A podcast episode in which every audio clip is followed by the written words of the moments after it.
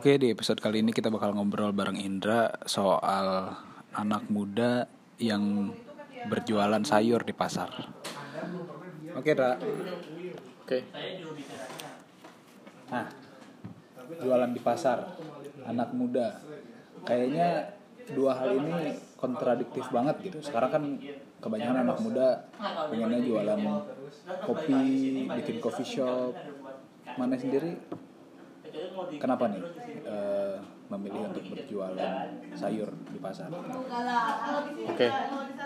Sebelum jauh ke apa namanya jualan sayur di pasar sih em, sejarahnya dulu ya. Boleh.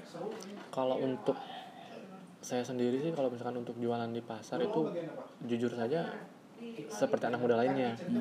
Bukan fashion, bukan fashion yang yang saya suka gitu. Karena jujur aja emang karena eh, apa namanya keadaan ekonomi keluarga keadaan ekonomi keluarga yang harus mengharuskan saya berjualan di pasar sehingga menjadi penghasilan utama di keluarga saya Hmm, gitu. Nah, kenapa mau gitu jualan di pasar kan? iya, iya. Apa ya? Duit. Duit, pasti Duit. duit. Duit. Duitnya kalau misalkan udah orang-orang udah tahu eh, di pasar itu kan saya saya jual sayuran. Jual sayuran itu istilahnya produk yang nggak pernah ada eh, berhentinya gitu. Iya, Kayak, pasti. hmm, produk primer istilahnya. Mm, Dibandingkan sekarang sama produk-produk sekunder kayak kopi, mm. itu kan jualannya mereka berdasarkan gaya hidup. Ya betul. Hmm. Kalau untuk primer itu kebutuhan. Kebutuhan untuk hidup. kebutuhan untuk hidup Bukan benar gaya hidup. bukan gaya hidup Nah, jadi dari segi keuntungan pun di situ udah bis kita udah bisa lihat bahwa istilahnya kan stabil gitu. Kebutuhannya pasti akan terus dicari. Iya. yang kedua duit yang dihasilkan itu kan yang dijual kalau misalkan kebanyakan produk-produk sekunder kayak bisnis sekunder kebutuhan sekunder gitu. Kayak kan istilahnya eh, gaya hidup. Produk-produk itu yang dijualnya itu kan kualitas kalau di kita lebih ke kuantitas Hmm. jadi uang dihasilkan tuh dihasilkan tuh beberapa kali lebih banyak. Tapi eh, yang tadi tuh yang pertanyaan tadi tuh kalau eh, ah anak muda tuh kayak nggak keren aja gitu kalau berjualan di pasar. Lebih keren misalnya bikin kafe lah atau minimal yang eh, jualan fashion lah atau apalah gitu yang anak muda banget. Nah sebetulnya eh, secara profit ya kan tadi eh, butuh duit pasti kan walaupun lo bukan passion di situ tapi butuh duit. Nah emang ceruk pasarnya nih untuk anak muda tuh besar nggak sih atau bagus nggak sih di bisnis ini? Oke, kalau untuk kayak kesempatan anak muda buat eh, berkecimpung di dunia pasar khususnya di saya kan di bidang sayuran ya khususnya di bidang sayur itu gede banget. Hmm. apalagi orang apalagi Indonesia kan istilahnya eh, negara dengan masih banyaknya desa-desa yang tanahnya bagus-bagus lah istilahnya. Eh, komoditas sayur di Indonesia itu kan Pulau Jawa juga udah banyak banget tuh tanah-tanah yang subur yang bagus buat sayuran. Jadi di situ bisa dilihat nih kayak anak muda tuh walaupun apa namanya eh, apa ya disebutnya? Hmm, Gimana gimana? jadi wah saya bingung nih jelasannya Oke. Jadi tadi di di Pulau Jawa banyak tanah-tanah yang masih Hmm. subur, yang menghasilkan bagus menghasilkan sayur. Hmm. Nah, sebenarnya ceruk bisnisnya tuh di mana sih? Oke, kalau ceruk bisnisnya. Jadi kalau misalnya untuk sayuran ini tuh kalau anak muda pengen gabung tuh ada beberapa tingkatan nih. Hmm, Bisa dia berkecimpung langsung di pasar, ya. langsung jualan, jadi penjual, Iya. bisa jadi seorang petani, Nah, bisa jadi seorang pengepul istilahnya. Iya. Jadi dalam dalam tingkatan eh, penjual di pasar tuh ada tiga tingkatan itu tuh yang yang saling berhubungan. Nah, oke lah kita sisihkan hal-hal yang agak sulit diterima oleh anak muda. hmm, Kayak misalkan eh, si petani. hmm, Eh, gue bukan bukan orang yang belajar gimana cara bertani, ya, tapi saya sekolah belajar tentang ya sedikitnya tahu tentang jualan. ya. Jadi saya menyisipkan menyisipkan bahwa si apa namanya ilmu saya tentang bertani itu walaupun penting, Ya. saya singkirkan tuh. Nah, Yang kedua si pengepul nih. nah, Nah, di mana pengepul ini orang yang membeli produk dari si petani untuk dijual ke pasar. ke pasar. Ke pasar benar. jadi untuk skill yang dibutuhkan di sini itu hanya relasi aja sih sebenarnya bukan bukan skill khusus Ya, ya, ya. kayak orang yang yang istilahnya berpengaruh di satu daerah Ya. punya duit punya kekuasaan punya janji yang oke barang lu mau dijual nggak sini ke gua gitu cukup menjanjikan itu ke petani gitu nah yang harus tahu adalah posisi saya itu penjual di pasar di mana saya eh, berdagang di salah satu pasar induk di daerah Tangerang. Yang turnover barangnya tuh tiap malam. Kalau memang sekarang dibandingkan dengan pendapatan si kayak kafe kayak apalagi ya bisnis fashion itu hampir berbanding lurus tapi dengan kuantiti yang berbeda. Misalkan kalau dengan di kafe-kafe bisa menjual beberapa produk di kita harus beberapa produk lagi gitu kan. Cuman karena turnovernya tiap hari itu bisa menghasilkan duit yang gede banget gitu. Kita kita real deh. Kita real dengan apa namanya perhitungan angka. Misalkan kalau misalkan setiap hari di satu kios di pasar itu di, di satu komoditi sayuran misalkan eh, cabai lah nah untuk cabai sendiri misalkan semalam bisa ngejual misalkan sekitar se- paling sedikitnya 5 ton Ya. 5 ton dikali 20 ribu misalkan Hmm. itu bisa berapa Benar-benar. gitu sekarang dibandingkan dengan jualan eh, apa ya misalkan baju misalkan Hmm. baju eh, apa namanya harus ngejual segini misalkan harus ngejual 10 baju untuk untuk bisa menghasilkan beberapa juta uang misalkan kayak gitu. Sama aja sebenarnya cuman eh, bedanya tadi di quantity sama quality. Jadi kan kalau di fashion itu harus quality yang dikontrol kalau di pasar itu harus qua- quantity yang di, dikejar gitu. Yang paling ditekankan sih itu kebutuhan. Jadi jika fashion kita ada matinya atau berganti fashion kita harus inovasi dan lain-lain Ya, ya. kita cuma butuh maintain si supplier ke kita kayak petani Nah, nah ini pertanyaan juga nih karena tadi kan eh, si petaninya kan tidak diminati oleh anak muda, berarti nggak ada regenerasinya kan. Ya. Nah, lu nyari supplier lo jadi gimana sekarang? Oke untuk jadi dari supplier. Kalau untuk supplier sendiri sih kebanyakan memang kalau misalkan untuk daerah-daerah tertentu kayak misalkan Sukabumi, Garut itu kan memang daerah-daerah eh, pertanian Ya. yang bagus. Sebenarnya kalau untuk anak muda sendiri saya belum pernah ketemu, jujur aja selama saya menggeluti bidang ini, saya belum pernah ketemu seorang anak muda yang benar-benar bekerja eh, seperti saya, maksudnya bekerja kayak berbisnis di bidang sayur Hmm. yang menggeluti benar-benar eh, seumuran saya itu belum pernah lihat. Kebanyakan tuh orang-orang yang benar-benar kayak apa namanya eh, sudah berkeluarga orang-orang yang mindsetnya sudah eh, apa namanya ya udah cari uang gitu Iya, bukan iya, untuk memenuhi passionnya lagi Iya, iya, iya. iya. cuman saya yakin eh, dengan saya terjun walaupun agak terpaksa awalnya terjun di bidang ini itu akan menjadi passion setelah kita mendapatkan uang yang kita harapkan Ya, nah sih. gitu Uang membuat passion ya. Iya, bukan passion yang membuat uang. Kalau saya pikirnya gitu sih. Atau passionnya adalah uang. Nggak tahu sih. Bisa, bisa, bisa. bisa. Iya gitu. Hmm, Nah, terus eh, kan sekarang nggak banyak nggak banyak diminati oleh anak muda sebetulnya. Lu kan pasti banyak banyak banyak orang-orang yang jadi pengumpul kayak lu lah yang yang menyalurkan dari apa tadi dari petani ke pasar. Pasar. Nah itu lu pernah lihat ada anak muda lain gak sih? Di pasar induk di Tangerang ini? di Ya, tempat oke. lu? Kalau untuk sejauh ini belum pernah.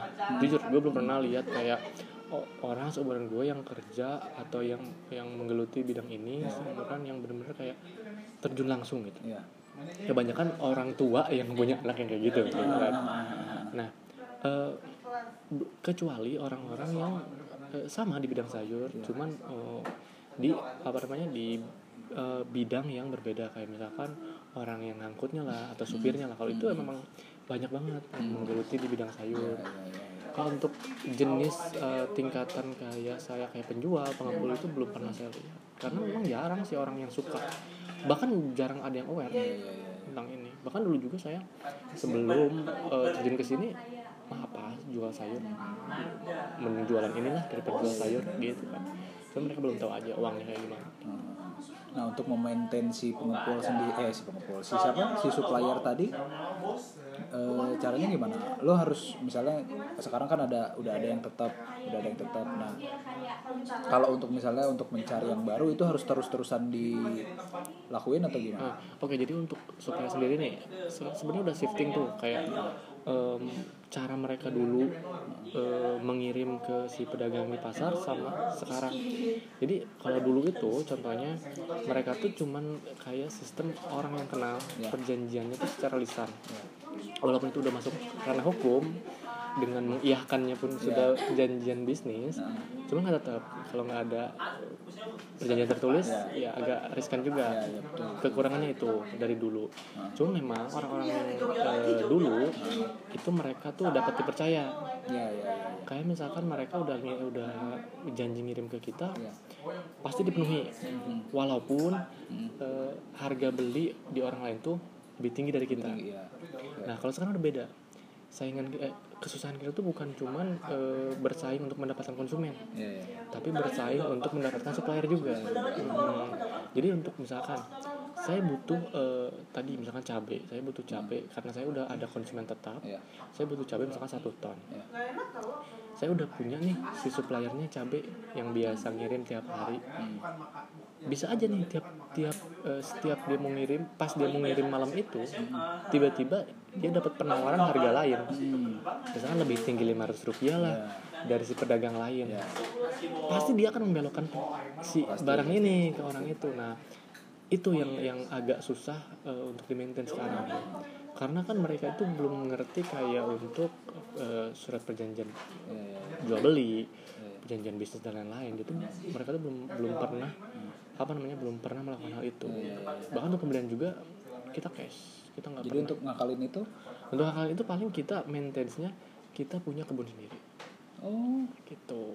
Jadi misalnya gini eh, untuk beberapa komoditi yang agak sulit yang ya kayak cabai untuk cabai itu kan harganya lumayan tinggi tuh Eh, makanya si para supplier itu ngejar harga yang paling tinggi pasti. Kita ngakalinnya eh, walaupun kita belum punya tanah segede apa gitu cuman memang untuk eh, komoditi kayak cabai untuk harga sayur-sayur harga yang tinggi itu pasti kita punya produk untuk backup ya ya ya jadi kita punya nih produk cabai yang benar-benar kayak apa namanya kalau misalkan dia nggak datang ya udah kita punya produk sendiri. Jadi gitu maintain sementara ini gitu. Belum ada kayak untuk cari supplier itu lebih susah jadi cari konsumen kalau di kita Nah urutan urutannya gimana sih sebenarnya? Dapat dulu order dari konsumen, minta sayur apa aja, atau ngambil segala macam dari supplier terus lu kasihin gitu, lu jual ke konsumen gitu aja atau gimana sih? Oke gini, kalau untuk eh, apa namanya flow-nya sendiri sih kayak sekarang nih kalau misalkan di pasar, saya posisikan saya tuh di pasar. Jadi di pasar tuh orang yang jualan langsung sayurnya ke konsumen. Nah, flow-nya itu dari petani nih awalnya. Orang pertama tuh petani. Petani itu yang yang yang istilahnya yang, yang panen tuh. Kan petani suatu seorang petani panen nih. Panen sayur. Dia itu ngejualnya pasti ke supplier. Supplier itu pengepul.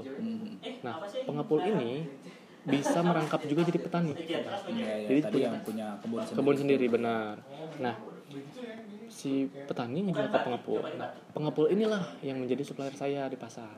Hmm, jadi supplier saya di pasar saya di pasar ngejual ke konsumen. Hmm. untuk eh, apa namanya eh, alurnya sendiri sebenarnya untuk awal kalau misalnya kita baru kita hanya butuh eh, apa namanya disebutnya apa ya eh, bukan kios ya mungkin kita kios kita punya kios nih. Yang penting kita punya kios dulu aja. Konsumen itu datang sendiri. Konsumen di sini konsumen yang beli itu eh, sebenarnya luas bukan konsumen yang eh, apa namanya yang konsumen akhir pemakai. Tapi konsumen di sini adalah mereka itu orang-orang yang punya juga kayak punya CV lah punya Oh, apa iya, iya, yang iya. jadi supplier ke hotel. Oh jadi masih oke oke. Ah, ah, jadi sebenarnya bukan kita langsung yang ngejual ke hotel karena kan untuk ke hotel atau atau apa pun ya itu karena kan orang-orang yang seperti itu biasanya mereka punya eh, perusahaan badan hukum sendiri Iya, iya, iya. nah mereka tuh belanjanya ke kita Oh iya. iya. Terus konsumennya nyari barang ke kita Iya, iya. gitu Nah tapi dari dari si konsumen berarti konsumen dari pengepul tuh yang jualan di pasar kan. Mm, benar. nah yang jualan di pasar tuh konsumen ini request dulu nggak sih? Oh. Ke misalnya eh, kita butuhnya cabai atau bawang atau apa. Nah itu gimana sih? kalau misalkan itu biasanya kalau misalkan memang mereka request Hmm. itu kita udah ada perjanjian dulu Oh, kayak misalkan eh, ini lu mau nggak jadi eh, jadi konsumen tetap kita Iya, iya. kita punya produk ini ini ini, ini. ya, ya, ya. kita siap nih tiap tiap misalkan tiap sa- dua hari sekali kita ada adain barang ini gitu tapi untuk biasanya kalau untuk normalnya itu enggak kita enggak eh, kita enggak ada sistem request dulu apa pun barang yang ada di kita eh, ya udah mereka beli kalau misalnya nggak ada ya udah cari di yang lain Hmm, gitu yang, yang mau barang yang itu. mau barang itu jadi gimana adanya kita aja dari petani dan Iya, pengepul iya, iya, itu, itu. Nah kalau ngomongin bisnis nih, pasti ngomongin soal modal. Hmm. Nah modalnya tuh apa aja sih jadi? Oke, ini yang menarik sih. Ini yang menarik.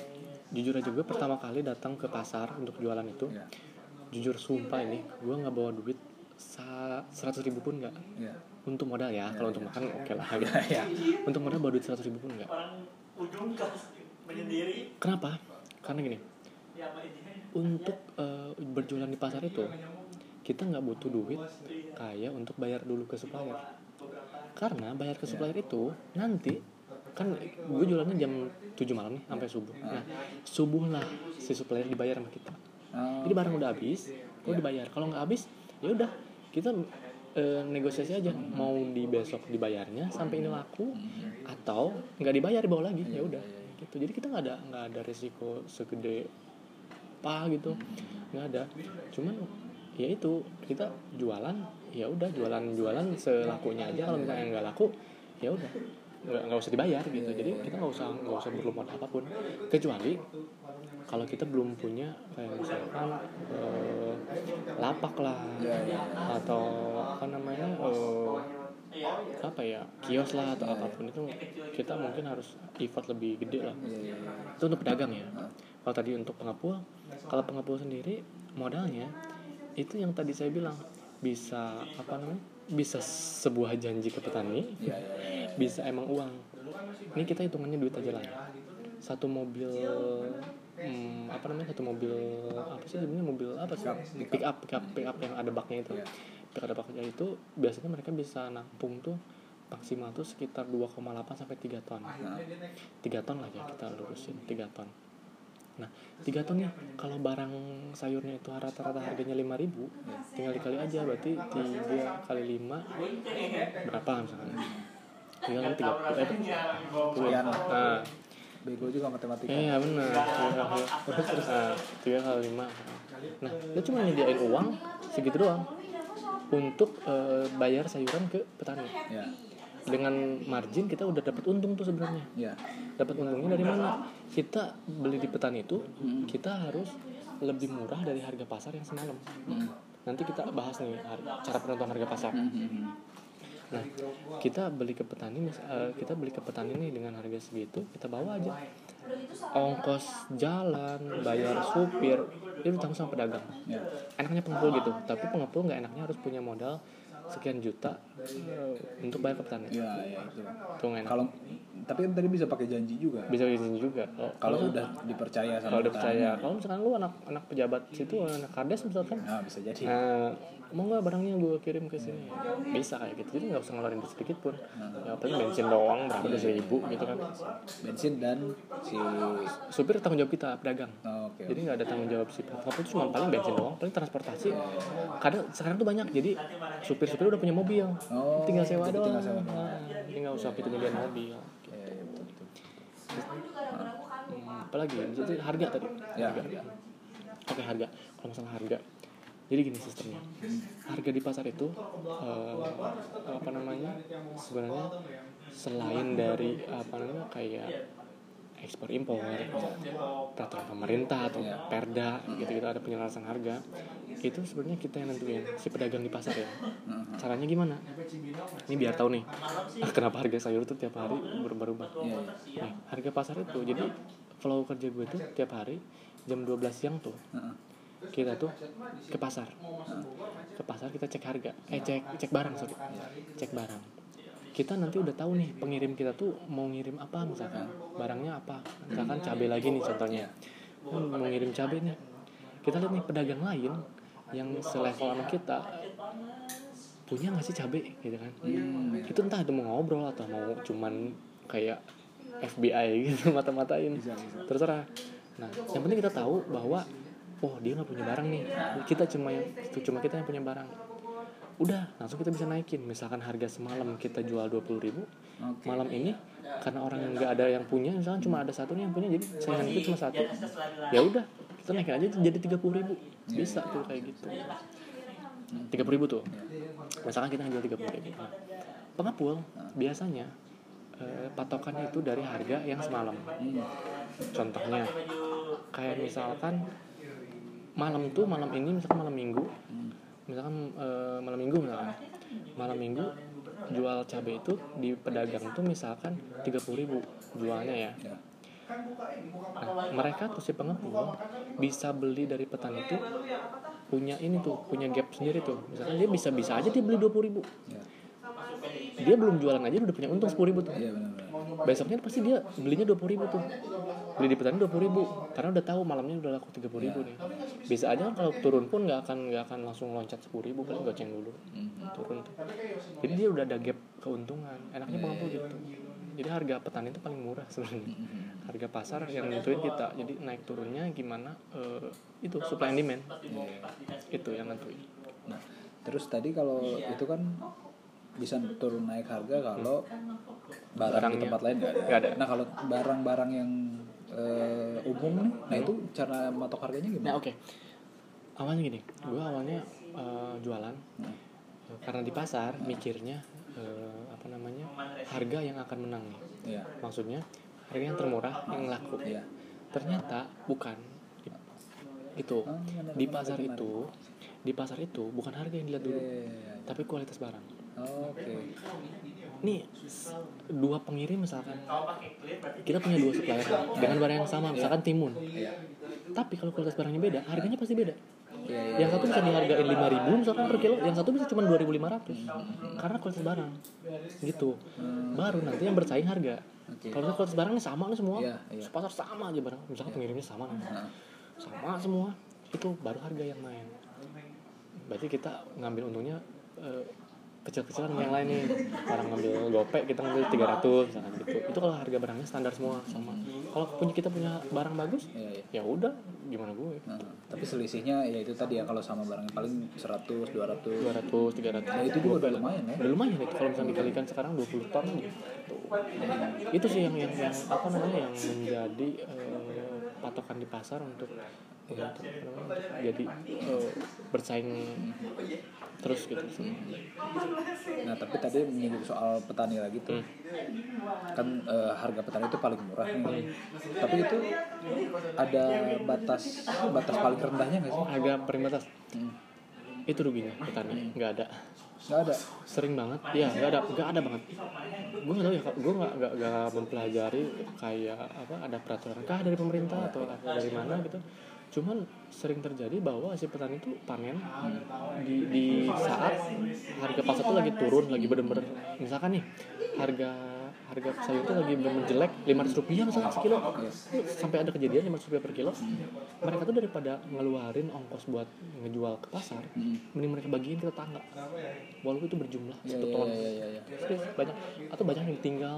Karena kan di petani pun mereka kalau misalkan mau ngangkut lah atau Iya, iya, iya. milihin barang Iya. kan itu harus ada ongkos juga Iya, kan. daripada iya, mereka iya. ngeluarin kos itu habis karena kos itu ya udah mereka biarin kebun Nah, sikap sikap lu sendiri sebagai pengepul dan penjual yang anak muda nih.